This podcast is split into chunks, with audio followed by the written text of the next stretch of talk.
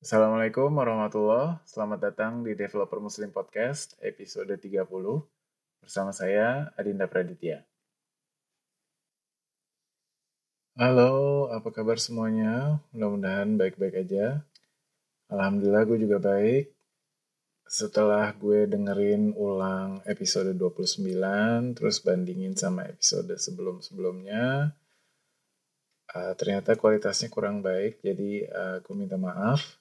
Insya Allah gue akan memperbaikinya. Terus um, untuk episode kali ini gue masih pakai peralatan yang sama, tapi setupnya mungkin beda sama pengeditannya juga beda. Jadi uh, mudah-mudahan yang kali ini lebih baik. Buat kalian yang baru dengerin, gue ucapin selamat datang dan makasih udah dengerin Developer Muslim Podcast. Um, podcast ini ngebahas hal-hal yang berkaitan sama dunia developer, khususnya web development. Karena gue sendiri uh, web developer yang berat ke back-end development. Jadi um, podcast ini juga menyangkut sama web design, software house, startup, uh, terus meet up, komunitas, dan lain-lain. Pokoknya yang menyangkut dan yang bersinggungan dengan web development. Walaupun um, ini semua yang bersinggungan ini bukan jadi topik utama, cuman kadang-kadang uh, itu bisa jadi bahasan yang nggak terlalu dalam yang mungkin akan diangkat di episode-episode Developer Muslim Podcast. Terus kalau misalnya ada yang nanya, kenapa sih namanya Developer Muslim? Karena gue orang Islam atau Muslim. Jadi ya itu sekedar nama aja gitu. Walaupun begitu, podcast ini nggak pernah ngebahas materi agama sama sekali karena gue juga bukan ahlinya dan sejauh ini juga gue belum pernah singgung masalah itu sama sekali. Udah sampai episode 30. Uh, dan gue gak ada ketertarikan untuk itu sama sekali gitu. Jadi uh, penamaan podcast ini adalah uh, nama yang muncul di benak gue waktu gue nyobain aplikasi untuk bikin podcast yang namanya Anchor.fm. Jadi uh, waktu itu gue iseng nyoba dan alhamdulillah senang dan keterusan. Jadi proyek iseng ini jadi keterusan dan gue mau seriusin. Jadi gue berusaha untuk bikin konten yang bermanfaat sama yang enak untuk didengerin sama teman-teman developer lainnya yang ngerti bahasa Indonesia. Dan juga sekaligus gue pengen ngeramein podcast bahasa Indonesia supaya uh, makin banyak orang-orang Indonesia, khususnya developer, untuk ngedengerin podcast. Kenapa begitu? Karena dengan dengerin podcast kita bisa dapat informasi, dapat ilmu, ya tergantung apa podcastnya gitu ya. Jadi kita bisa dapat itu semua um, sambil ngerjain pekerjaan kita dan aktivitas kita, entah itu di perjalanan atau lagi ngerjain pekerjaan rumah, misalnya lagi ngepel atau lagi nyikat kamar mandi, atau lagi di bis, dan lain-lain. Jadi apa yang lo bisa dapetin di podcast ini secara khusus? Yang pertama biasanya gue ngasih kabar-kabar singkat mengenai podcast ini, kendala-kendalanya, apa yang mau gue kerjain, uh, dan rencanain untuk podcast ini. Terus yang kedua biasanya kalau misalnya ada event yang gue datang, uh, gue coba ngelaporin dan mewawancarai peserta-pesertanya gitu. Jadi um, gue pengen pendengar-pendengar gue juga bisa dapat uh, masukan tentang acara itu. Terus yang ketiga itu kadang-kadang gue mengundang developer lain atau praktisi di dunia web development untuk wawancara online. Terus biasanya sebagai uh, ya sebagai orang yang pengen memasyarakatkan podcast gitu ya. Jadi biasanya gue kasih saran podcast podcast yang biasanya gue dengar yang gue rasa itu bagus dan bermanfaat untuk developer. Uh, gue kasih uh, podcast gitu untuk didengerin. Dan terakhir kali gue ngasih saran podcast itu udah lumayan lama, sekitar satu bulan lebih yang lalu. Jadi uh, episode kali ini gue pengen kasih rekomendasi podcast uh, yang menarik untuk bisa didengerin.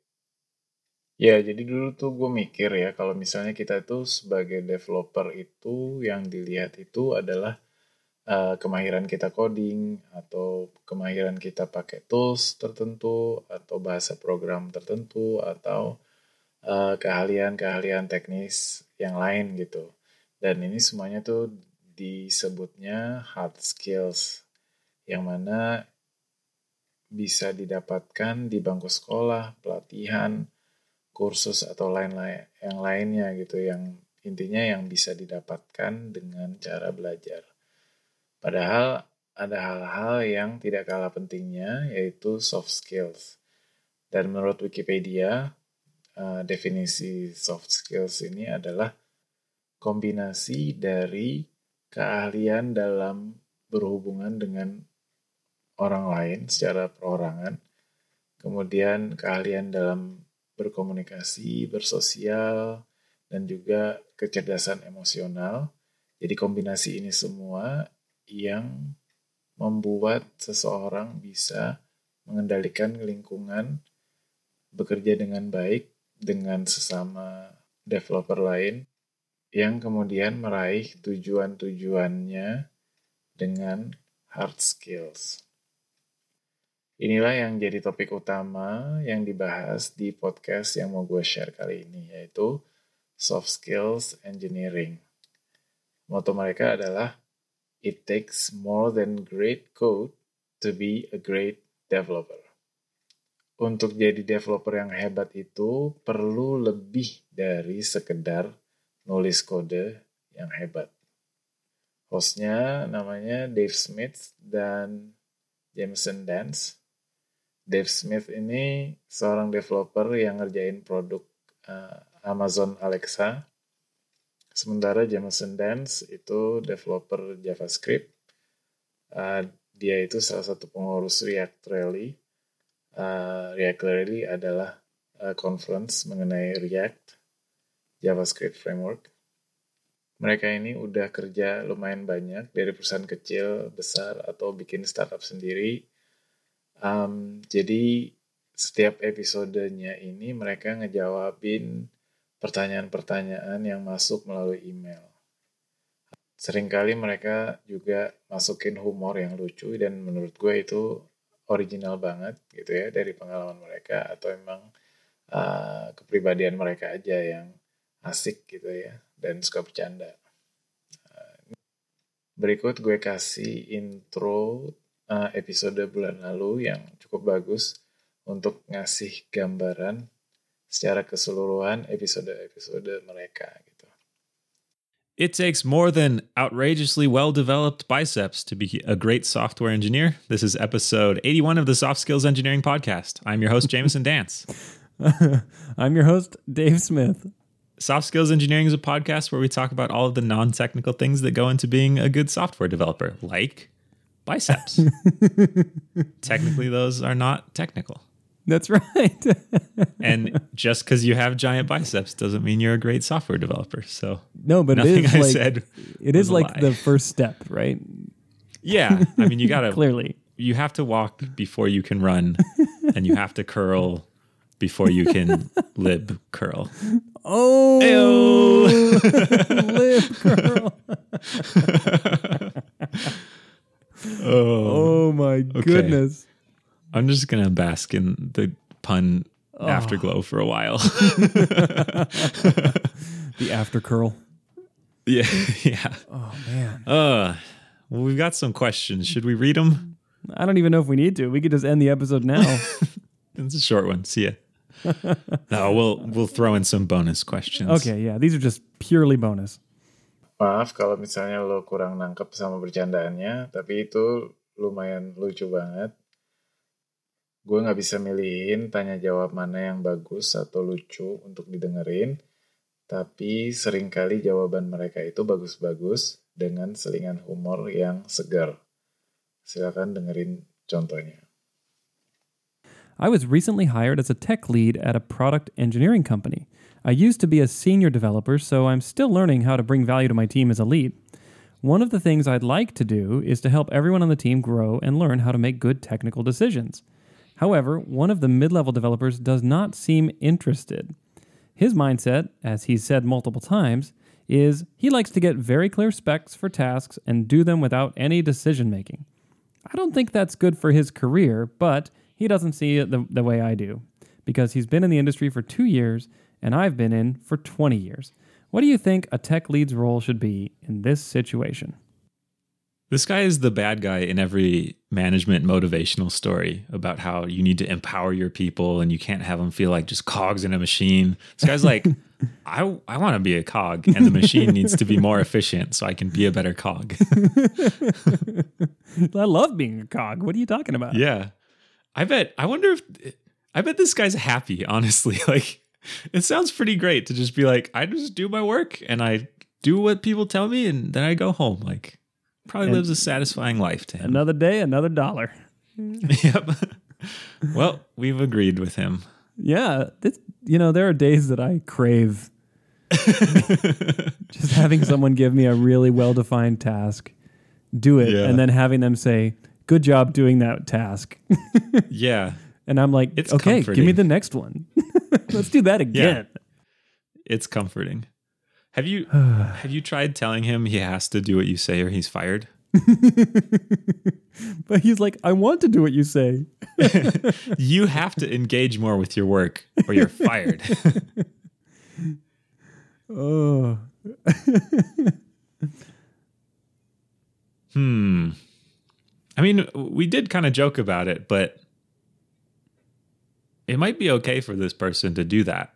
Well, yeah, he's been a software developer for two years. Get off his back. Yeah. Dude just wants to sling some sweet code. Yeah. If if he's happy doing it and if this the work he's doing is is good, I don't know that it's ideal, but it, it might be okay. Ideal from what perspective? Like measured by so, what? I know, for example, Khan Academy has is as part of their engineering culture. It's that people develop and grow, and if people fail mm-hmm. to develop and grow, then then they get laid off. Mm-hmm. So the mm-hmm. expectation is you will improve, you'll become better, you'll take on harder things as you spend more time there. Mm-hmm. But not every place is like that. I mean, mm-hmm. it might just be the same person that does all the kind of mid to low level tasks the whole time instead of that rotating through people as they come in with less experience. Mm, yeah or maybe they so, leave. yeah, yeah, yeah. I have you ever known anyone with about I don't know ten plus years of experience who's still able to maintain this cushy lifestyle? I have not worked with someone like that.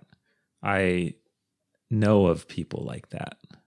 I have worked with one person like this, and on he, you know, it's crazy he was really happy with his little rut that he had carved out for himself. And when sure. his this is I may have talked about him on the show before, but I remember one time his manager came to him and said, "We want to give you a raise," and he said, "Stop that! Stop giving me these raises. I don't want the extra responsibility that comes with the extra money." And they were oh like, "Oh, so, sorry, sorry." Like he literally this just wanted to has, do his job. He has hacked the matrix. the real world. Yeah. And he had literally been doing that for 20 years. And this was like five oh or six goodness. years ago that I worked with him. So, so I don't know. I think if you could be happy doing that, then go for it. There is absolutely a place for you in this world if that's what you want to do as a software developer for the rest of your life. yeah, it turns out there are life. a lot of cog shaped holes everywhere. Usually so, you have to get crammed into one, but this person might just fit neatly. Yeah. but um I do think that it is limiting in certain aspects. Like there is a For limit sure. to your compensation. You will eventually be compensated uh, for what you can be compensated for, which is lower than if you were to take on leadership responsibilities or take on more responsibility for the product direction. Um, but honestly, you know, I this is a funny story, but I asked my manager, no, my manager's manager at this company where I worked with this guy who had been doing the cog thing for 20 years. And I said, mm-hmm. I said, hey, I, I'm just curious. What's the difference in pay between this guy and this other guy? This other guy had been like super influential, big time leader in the company and lots of work. And he says to me, 30%. And I was like, Huh. that's not very much money. What I Yeah. thinking. Like, I was like, 30% is all you He get. probably does a lot less than 30% less effort. Exactly. exactly.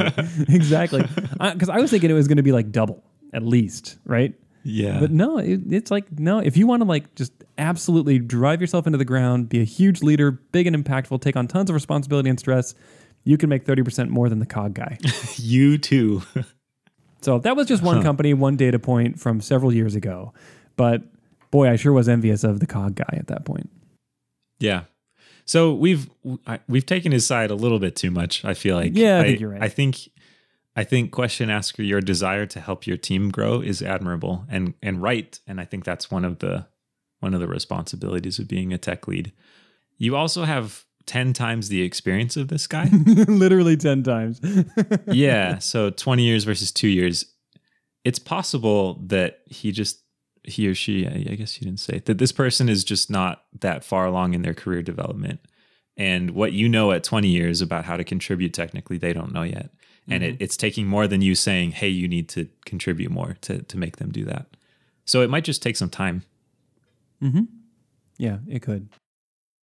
I think this is a big challenge because you know that you're right in wanting to help this person grow and develop and become better and, mm-hmm. and maybe even against their will. And that's the part that makes it so hard, right? Because you have to convince them that they need to change and grow. But boy, is it hard to do Yeah. that. Yeah. You ever heard the phrase, a man convinced against his will is of the same opinion still? Yes. I heard it on this podcast. Oh, yeah. oh, crap. I've started recycling material. Time for me to hang it up. I I remember when I was a more junior developer that clarity was very important to me and I lacked the ability to work in environments of uncertainty. I would just mm-hmm. get paralyzed when the task involved I don't know, figure out what to do. So I, I think some of it might be not wanting to grow, but a lot of it might just be inexperience. They, be- they yeah, just don't just have be- the skills. maybe you need to help this person become comfortable with ambiguity. Yeah. And the way you do that is the way you do anything is practice. So maybe hand them tasks that have a certain just a small level of ambiguity, maybe maybe just a single decision. Like in the Jira story you just write, you need to decide between tool X and tool Y to do this job. That's your hmm. task. You know? And make them venture out a little bit into the water, make some decisions, but not too much. Don't give them too much rope and see how they do. And maybe they'll go, wow, Yeah. that was fun. Like I made a decision and now I own it. And now the rest of the team is benefiting because of something I contributed. That's cool. Well, have we answered this question? Well, I there's one more thing I want to say about it, which is uh, I wouldn't feel too bad if you don't sense that you're able to reach this person and help them achieve what goals you think they should have for themselves. Sorry, that was a little snide. but remember that as team lead, depending on the company, you probably have one main goal, which is to deliver the product that your team is responsible to deliver. And that is probably the number one goal. And if you can do that with this person, with their skills and the level of development where it is, then mission accomplished. So don't, you know, don't completely beat yourself up if this person is not really coming around to your way of thinking. If they're still delivering the stuff that they're supposed to be delivering, you know, at least they're doing that. Yeah. Yeah, that makes sense. That's uh you might feel like you're failing, but your broader goals might be b- being met. Exactly. Yeah. Okay. Well, it seems answered enough. Awesome. Kalau lo suka dengan pertanyaan-pertanyaan seperti ini, eh, gimana cara ngadepin bos atau gimana cara ngadepin uh, junior developer atau senior developer atau apa pun itu, um, ya silakan aja lo dengerin, subscribe ke Soft Skills Engineering Podcast. Mudah-mudahan bermanfaat. Oke, itu aja yang bisa gue bahas di episode kali ini. Link-linknya sama catatan episode kali ini bisa lo lihat di devmuslim.id slash episode 30. Kalau lo lagi ke sana, lo bisa kasih komentar, tanggapan, atau masukan, pertanyaan, apa pun di catatan episode itu. Atau kalau misalnya lo pengen nanya hal yang lain nggak terkait dengan episode kali ini, lo bisa langsung langsung email di devmuslimid at gmail.com atau mention di Twitter at devmuslimid. Kalau lo suka sama podcast ini, silakan share, silakan kasih komentar, kasih rating yang bagus di iTunes, di Stitcher, di TuneIn, semua alamat ini bisa dilihat di devmuslim.id slash links. Oke, saya Adinda Praditya undur diri dulu. Sampai di episode Developer Muslim Podcast berikutnya, insya Allah. Assalamualaikum warahmatullahi wabarakatuh.